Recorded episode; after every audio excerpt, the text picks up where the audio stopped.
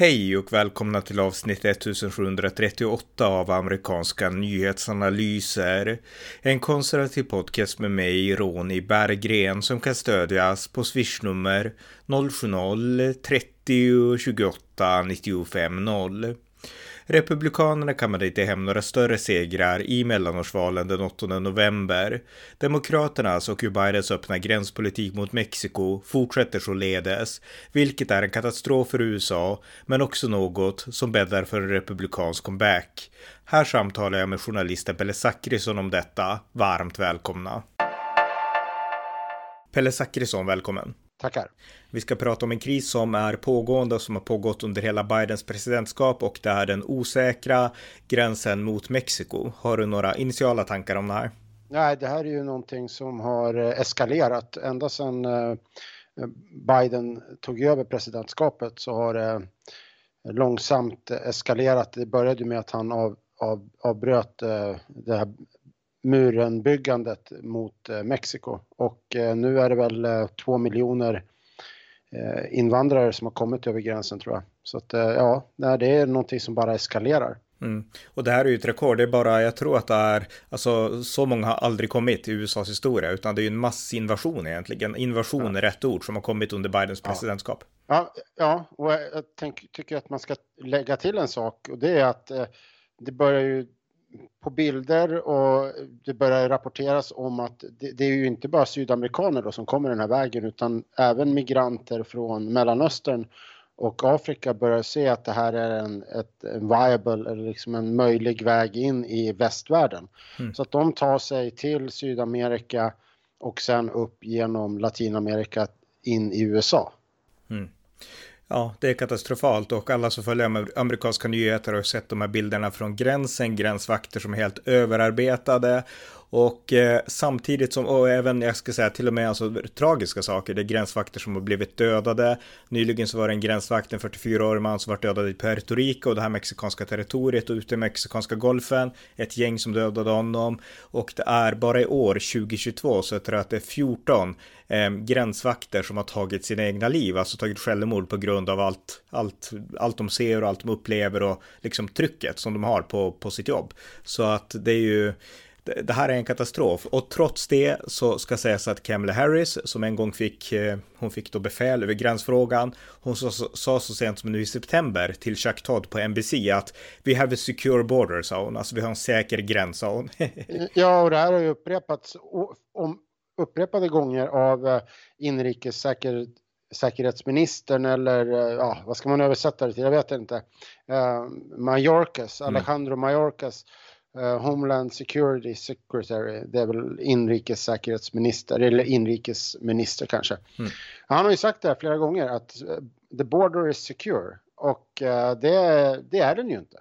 Alltså det är fakta att den är inte säker. Gränsen är inte säker och han, på, han sitter i utskottsförhör i senaten och påstår det här. Och det är, det är som, han, är en Bagdad Bob. Uh, och det behöver, man, det behöver man inte tycka illa om honom politiskt för att säga, men han säger någonting som de facto inte stämmer. Och Kamala Harris har hon en, ens varit nere vid gränsen.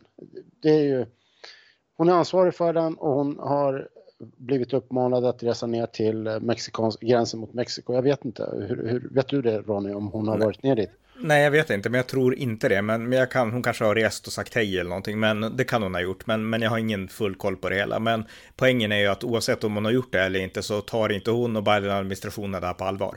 Nej, alltså skulle det vara noll illegala invandrare från Mexiko spelar det väl ingen roll om hon är nere vid gränsen eller inte. Det är ju lite av en symbolhandling, men någonstans så signalerar det ju att hon kanske inte tar frågan riktigt på allvar och hon vill ju inte synas på bild tillsammans med de här eh, tusentals eh, eh, migranterna som står där. Det är ju dålig eh, bad optics som man brukar säga inom media då. Mm.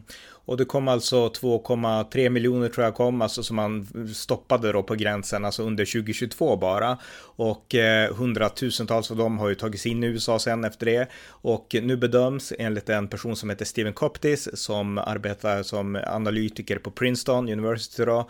Han bedömer att det kommer att, och han hade rätt om hur många som har kommit hit till, så han bedömer att nästa år så kan det kunna komma upp emot 2,6 miljoner personer som korsar gränsen illegalt och somliga blir ju hemskickade och men hundratusentals kommer in också så att det här är ju alltså invasion är rätt ord. Det är en katastrof ja. verkligen.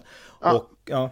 ja, man har haft tillfälligt då haft hjälp av en en, eh, vad ska vi säga, en tillfällig lag från, som kommer från Trump-tiden, Title 42 som den heter. Och det innebär att du, du kan använda pushbacks. Eh, alltså hittar du en illegal invandrare i, eh, i USA då kan du köra tillbaka dem över gränsen och hänvisa att, att ja, men det är en hälsofråga. Vi, vi kan inte pröva deras asyl utan vi måste bara köra över dem tillbaka. Och, och det här har de kunnat använda men nu var det en domare då som sa att ja, men det här är ju vadå, det här kan man ju inte använda för att bevaka gränsen. Och, och Joe, för, för det tillkom ja. ju för att stoppa covid, alltså för att covid... Exakt, mm. ja, ja, precis. Det var ju för att stoppa covid. Men Biden-administrationen har liksom istället då för kanske att vilja själv eh, sätta till eh, skärpa reglerna, då har man använt den här då som någon form av egen livlina. Men en, en domare satte stopp för det. Okej, okay, så att Biden-administrationen har sagt att vi river Trumps mur för den är rasistisk och vi kampanjade på att riva Trumps mur. Men vi inser ju problemet så att vi har istället ett, eh, vi har istället en lag som liksom, där man kan ursäkta, liksom säga stopp till invandring på grund av covid. Liksom det använder vi istället för det låter ja, finare. Ja, vi och så lägger vi de här sanctuary cities, eh, alltså de här, eh, vad, heter, vad ska man säga på svenska? Fristäder. Alltså, fristäder. Vi, vi lägger alla våra fristäder, eller fristäder är i, i norra USA, dit normalt inte eh, det kan komma några illegala invandrare. Och, och, det är roligt så länge inte dumma politiker i Florida och i Texas kommer på idén att skicka de här illegala invandrarna till våra fristäder uppe i norra USA. Mm. Eh, men på tal, vi, vi ska återkomma till det, men på tal om det, ja men du har helt rätt. Alltså. Jo, ja men absolut, jag, jag, jag tycker det är ett sånt intresse, intressant ämne alltså. Nej men, men fortsätt. Ja, nej men jag tänkte bara stanna kvar lite kort vid Title 42. Alltså, eh, nu kommer det förmodligen lyftas då på grund av den här domaren som du nämnde. Och det bedöms att uppemot, alltså förändringen, det är ju katastrof redan nu. Men när det här väl lyfts så kommer ytterligare 18 000 migranter per dag att börja ta sig in över gränsen. Och jag har läst ett inslag om en journalist som arbetar på amerikanska NPR, alltså amerikansk public radio. Och den journalisten sa att de hade pratat om med, med alltså, migranter på andra sidan gränsen. Och de kände mycket väl till Title 42 och de sa att de var beredda att så fort Title 42 lyfte så då skulle de tas över, sa de. Så att jag menar, de är beredda och det har jag hört förut när jag pratat med folk som kan det med invandring att de här som har försökt ta sig till Europa, speciellt under migrantvågen 2015 och sådär, de kunde kunde allt om europeiska lagar och jag hörde en som pratade om att i Syrien så kände de exakt till Kanadas lagar och så fort Justin Trudeau ändrade lagen, då åkte de till Kanada dagen efter. Alltså de hade bättre koll på Kanadas gränslagar och Europas gränslagar än vi europeer och kanadensare hade. Så pass liksom skickliga var de och det verkar vara likadant i Mexiko nu. Ja, men den här vanföreställningen att äh, människor på något sätt som kommer från, äh, från äh, de här länderna, att de skulle vara Eh, efterblivna. Det, alltså de tar ju reda på saker som alla andra gör. Det är ju det här låga förväntningarnas, lågt ställda förväntningarnas rasism återigen som gör att man, då blir man så här helt chockad eller förvånad att människor har en förmåga att läsa på om det land man ska ta sig till. Mm. Nähä, kan det vara så? Är det, har de, kan de kan de läsa? Ja, men det, det, det är på en sån idiotisk nivå så att eh, man blir ju jätte, man, blir, man, man slutar aldrig att häpnas över, över den här eh, naiviteten som, eh, och när, när den här domaren då säger att den här lagen, man inte kan använda den, så oavsett om man är för en liberal invandringspolitik eller mot en liberal invandringspolitik så är det bra för att det får ett slut för det själva lagen är ju inte till för att reglera invandring. Så Nej. då ska du ha en annan lag. Mm. Ja, jag håller helt med. Eh, och eh, jag menar, den här naiviteten som du var inne på, jag menar, den här uh, analytiker som jag nämnde, Steven Coptis, han bedömer också att eh, i slutet av 2023 så kommer det att ha kommit över gränsen 6,9 miljoner, alltså nästan 7 miljoner personer som har krossat gränsen, korsat gränsen illegalt. 7 miljoner personer under, ja, det är inte ens hela Bidens presidentskap, men under den tid som Biden då har varit president. Och det här är liksom, det är nästan lika stor population som befolkningen i New York City. Så jag menar, det är ju helt, alltså det, det, det, är, det är svårt att föreställa sig det här, alltså vilken katastrof den här politiken har varit. Och eh, ja, eh, vad ska man säga mer? Alltså, eh, de försöker ju göra något också, alltså, eh, alltså i, i liksom brist på handlingskraft från den federala regeringen, för vi ska påminna om att det är den federala regeringens ansvar att säkra gränsen. Det är inte delstaternas primärt, utan det är den federala regeringens ansvar. Men eftersom den inte gör något så har man ju försökt lösa liksom det här på egen hand och du var inne på att eh, liksom Greg Abbott, guvernören i Texas, republikan, Ron DeSantis i Florida, de har försökt på något sätt visa och få liksom landet att förstå problemen genom att skicka, bussa illegala immigranter ut i landet. Ehm, du kan ta vidare där och bara säga något om det. Ja, de har ju bland annat, och det har du pratat om på podden tillsammans med Björn bland annat och skickat upp de här till den här eh, lyxiga, lyxiga ön Martha's Vineyard som ligger uppe i New England då. Mm. Och eh, där var det väl, eh, det var, alltså det, det var var det ett 50-tal migranter som man hade skickat dit och, och, de klarade inte av att ta hand om dem. Och så har man ju åt, återkommande skickat migranter till, till New York som nu som, ja först så placerades de på hotell och sen har de ju då, nu vet de inte vart de ska, de har ställt upp stora tältläger vad jag har förstått då. Mm. Och ja, nej men det är ju en, det handlar ju inte om att man det handlar ju inte om att man eh, tycker att, eh, att de ska egentligen till en fristad utan det handlar ju om att man säger att vi får ju tusentals över gränsen här varje dag. Nu får ju ni se hur det är i praktiken. Ni mm. som håller på och godhetssignalerar med att ni kallar era städer för fristäder och kallar oss för dumma rasister. Mm. Så det är ju en, man vänder lite på steken och säger att nu får ni liksom put your money where your where your mouth is. Liksom. Exakt, exakt. Och de skickar ju till och med några migranter till Kamala Harris residens i Washington DC. Så att eh, även hon har fått besök av de här illegala immigranterna. Så att jag menar, det är bra och det är en väckarklocka. Eller det kanske inte är det, men alltså det är ett försök att väcka ändå liksom demokraterna och försöka få dem att förstå att det här är inte bara teorier, gränsen blir osäkrare och Jo men, jo, men det har ju faktiskt gett konkret resultat. Det är ju inte så att den här borgmästaren, heter han Abbott fick jag för mig, eh, Ja, Greg Abbott? Greg nej, Abbott. Nej, nej, nej, jag tänker på han som är borgmästare i New York. Han har ju hört av sig, han har ju de facto hört av sig till Vita huset. Mm. För att, och, och, Eric. Eric Adams. Mm. Eric Adams. Han har hört av sig till Vita huset för att han vill ha en lösning på problemet. Först skällde han ju bara en massa på Greg Abbott och eh, på Ron DeSantis. Men han hörde även av sig sen efter ett tag till Vita huset för att han tyckte att situationen gick inte att lösa. Mm. Och eh, då då har ju den här, äh, rätt eller fel, men då har ju den här bussningsstrategin fått, äh, då har ju det fått resultat, önskat resultat. Ja, vi har verkligen ett slags uppror bland demokraterna. Det, så är det ju, verkligen. Eh, nej men det är bra. Och sen en sak till som jag läste bara idag som jag tyckte var otroligt intressant i en artikel i The Federalist. Och det är att USA måste också börja ta i akt. Jag menar immigrationen i sig, den är ju livsfarlig. Men det som händer i Mexiko, det är att Mexiko håller allt mer på att bli en kartellstat. Alltså statsbildningen i Mexiko håller på att duka under. Och det här är en stat där verksamhet efter verksamhet tas över av karteller, de driver hotell och eh, man måste förstå i USA nu att eh, den här illegala invandringen nu, det är en en industri som drivs av kartellerna, stod det i en artikel, en otroligt intressant artikel. Och USA har inte tagit liksom det som håller på att bli en kollaps i Mexiko på allvar, utan det måste man göra. Och jag minns ju det här, alltså det här var ju, det var ju prat om det här redan för tio år sedan under George W. Bush. Han startade något som hette The Merindia, eller Miranda Initiative, jag minns inte exakt vad det hette. Och det handlar om att styra upp situationen i Mexiko så att inte de problemen skulle komma in i USA.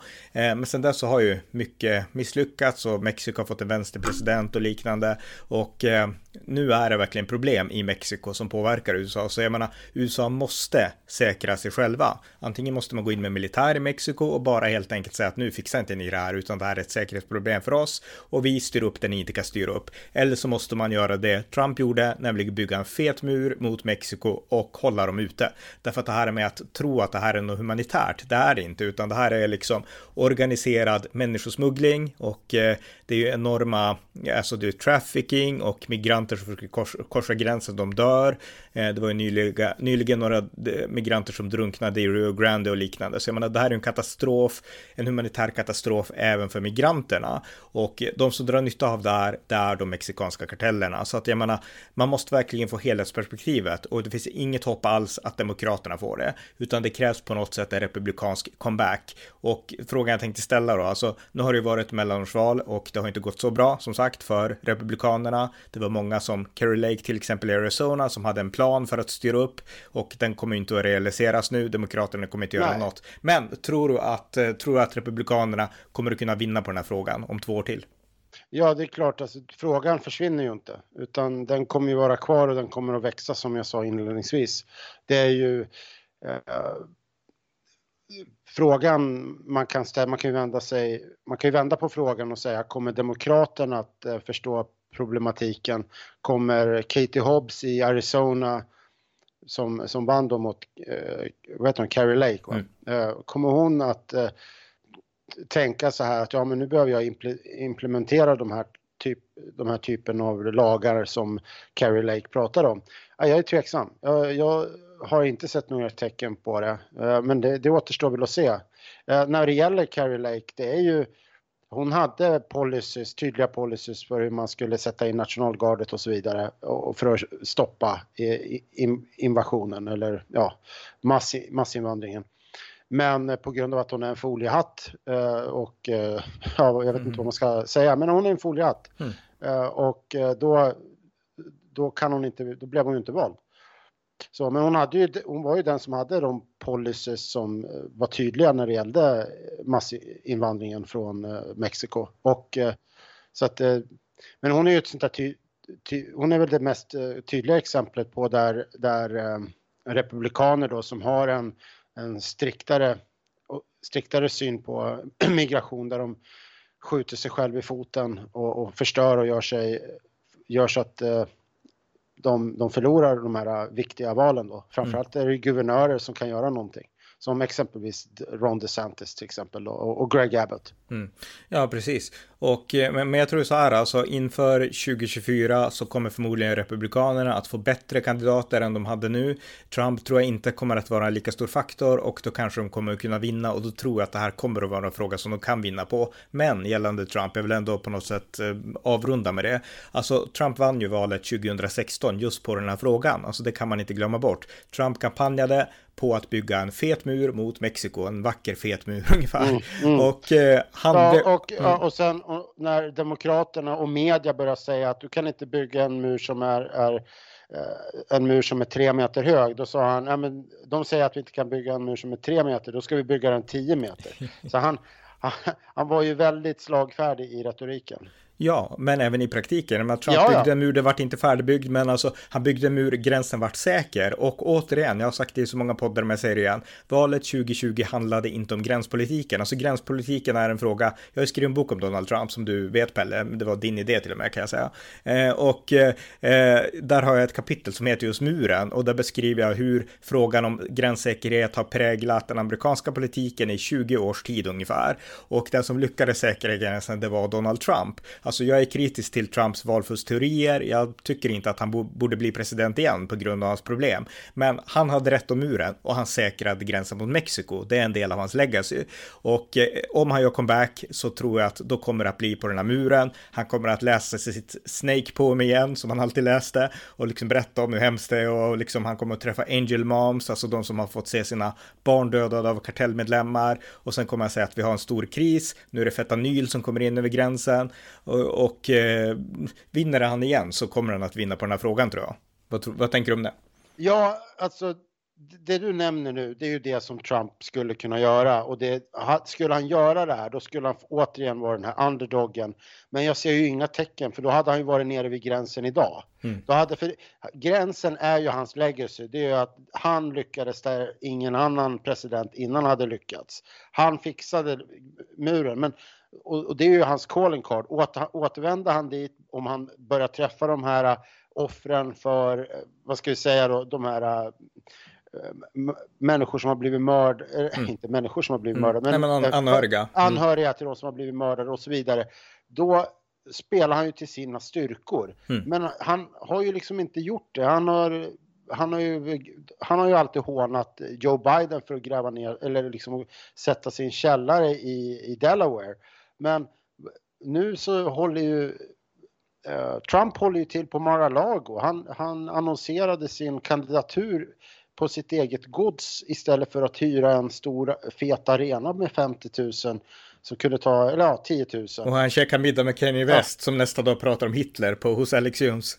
ja, alltså, ja, men det är så här, och, och, och, och det är ju, eh, det, det är för att jag uppfattar det som att Trump börjar tappa, han har börjat tappa kollen. Han har mm. haft, tidigare har han haft jättebra koll och eh, det här att han träffar Kanye West, eh, ja okej, okay, det är en grej, men att han, att det då slinker med, eh, det, det var någon, hette han Nick någonting? Mm, Nick en, Fantes. Nick Fantes.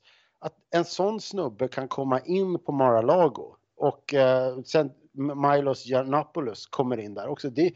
de, då har man ju inte koll på grejerna. För då har han ju inte utsett killar runt, och tjejer runt sig då som, som ser till att eh, vätta eller liksom kolla igenom folk som kommer in. Det är som att han börjar tappa sin mojo. Och det, jag tänker att eh, det, det här med att eh, media motarbetar honom, det har aldrig stoppat Trump förut. Han har ju kunnat vinna då, men att han börjar få lite för många förluster i sitt record och får du det i USA då ska du vara en vinnare. Och liksom amerikan, det finns ju den här klyschan, amerikaner älskar vinnare. Och nu har Trump torskat ett antal gånger och mm. han tors, varje, varje sån här kandidat som har varit endorsad av Trump som åkt på, äh, åkt på en, liksom förlorat, det är ju en förlust för Trump också. Mm. Ja, ja, så är det verkligen. Och det är det som gör att han får inget Mojo igen, därför att hans kandidat är förlorad nu i de här mellanårsvalen. Men det har varit en liten avstickare. Men ja. alltså hela poängen är att om han gör comeback, ja. vilket jag kanske inte tror riktigt, men man vet aldrig med Trump och man vet aldrig med amerikansk Nej. politik. Men om han gör det så kommer muren att vara en viktig grej i det hela. Så att det är en ny katastrof i gränsen. Jag är den som räddade er förut och jag kan rädda er igen. Ja.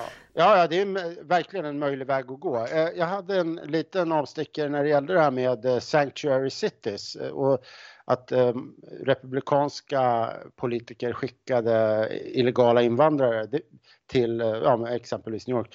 Det finns ju en liten parallell till Sverige som jag tycker är intressant. Och eh, vem skulle du säga är det närmaste vad skulle du säga är det närmaste Sverige har till Ron DeSantis? Vilken lokal politiker i Sverige är det närmaste vi har till Ron DeSantis? Uh, det vet jag inte, men jag skulle säga Louise Eriksson där i Sölvesborg innan det vart som det vart då kanske, men jag vet inte. uh, många skulle kanske säga Christian Sonesson i Staffanstorp. Okej. Okay. Mm. Ja, men ja, det kan ju vara Louise Eriksson eller Christian Sonesson. Men det Christian Sonesson gjorde, gjorde tidigare i höst, det var ju att säga att vi ska inte ta emot några uh, vi ska inte ta emot några kvotflyktingar. Och kvotflykt, när det kom, då kom kvotflyktingar, då bussade han dem till en grann, grannkommun. Mm. Och okay. eh, ja. det visste jag inte. Mm. Nej, och, och, det här är ju, det här har ju då blivit anmält. Och eh, i nuläget så är det uppe i, i rätten och både distrikts, eller inte distrikt, men både diskrimineringsombudsmannen och en åklagare håller på att utreda det här. Um, och det som hände med Sonesson, det var ju att han fick ju jättemycket kritik och som jag uppfattar det så verkar han ha fått mycket kritik av sitt eget parti också för att han gjorde så att han, han kallades ju då för att han, han var laglösing, alltså det mm. var, han, han sket i lagen och så vidare. Um, och, och där är ju då en, en, stor kontrast mot USA. Nu är ju inte Sverige en, eh, det är ju inte delstater på det sättet att vi har lokala egna lagar men men just sättet att i USA så ifrågasätts inte politiker som på det sättet eh, bara prioriterar sin egen, eh, ja men som Florida. DeSantis prioriterar ju bara Florida. Han mm. prioriterar ju inget, han har inget intresse av att eh, bevaka USAs intressen utan det är Florida som gäller. Mm. Ja. Så att det, jag tycker det är en lite intressant parallell där att hela liksom, etablissemanget, allt runt omkring tvingade ju då Christian Sonesson att backa i Staffanstorp. Mm. Så ja, Ja, men, men det kommer inte ske i USA som sagt, därför att USA är ett annorlunda land. Men det var intressant, för det här visste jag inte. Men det visar också att vi har, vi ska inte gå in på Sverige så mycket, men alltså den här problematiken med liksom stor massinvandring, den har ju vi också. Nu är det ju värre i USA just nu än det är i Sverige, utan tvekan. Alltså USA, det, det här är ju katastrofalt. Men vi har haft de här problemen, den här stora migrantvågen och liknande. Och vi har problem med laglöshet och eh, med liksom skuggsamhälle och liknande. Så att det finns många gemensamma beröringspunkter. Men återigen till USA då, alltså lösningen på det här, bara säger det, alltså det är att vända på politiken, oavsett om det blir Trump som gör det, om det blir Biden som liksom till slut kommer till förnuft, jag tror inte det, men teoretiskt kanske det går, eh, eller om det blir bara någon ny republikan, Ron DeSantis, som blir president 2024, men oavsett vem så måste det här styras upp, alltså man måste göra gränsen bergsäker, man måste skicka ut de som kommer in illegalt och man måste göra USA tryggt för amerikaner. Och jag fattar inte hur det kan vara så svårt att begripa det för politiker. Ja, det är svårt att ge något rakt svar på det. För det är, eh, det är väldigt eh, svårt att, att, förstå hur man inte kan komma till någon log, annan logisk slutsats än att en en illegal invandring måste begränsas. Mm, precis. Ja, men med det sagt så har vi gått igenom lite om det senaste och det här är ju det här är en viktig fråga som hamnade i skuggan i, i, i så mycket annat som hänt i USA. Men det här är en fråga som hela tiden ligger under ytan och jag tror att den kommer att komma upp högre på agendan desto närmare nästa val vi närmar oss. Så att, men okej, tack så mycket Pelle. Tack. Tack för att ni har lyssnat på amerikanska nyhetsanalyser. En podcast som kan stödjas på swishnummer 070-30 28 95 0 eller via hemsidan på Paypal, Patreon eller bankkonto. Skänk om det är möjlighet också gärna en gåva till valfri Ukraina-hjälp. Allt gott tills nästa gång.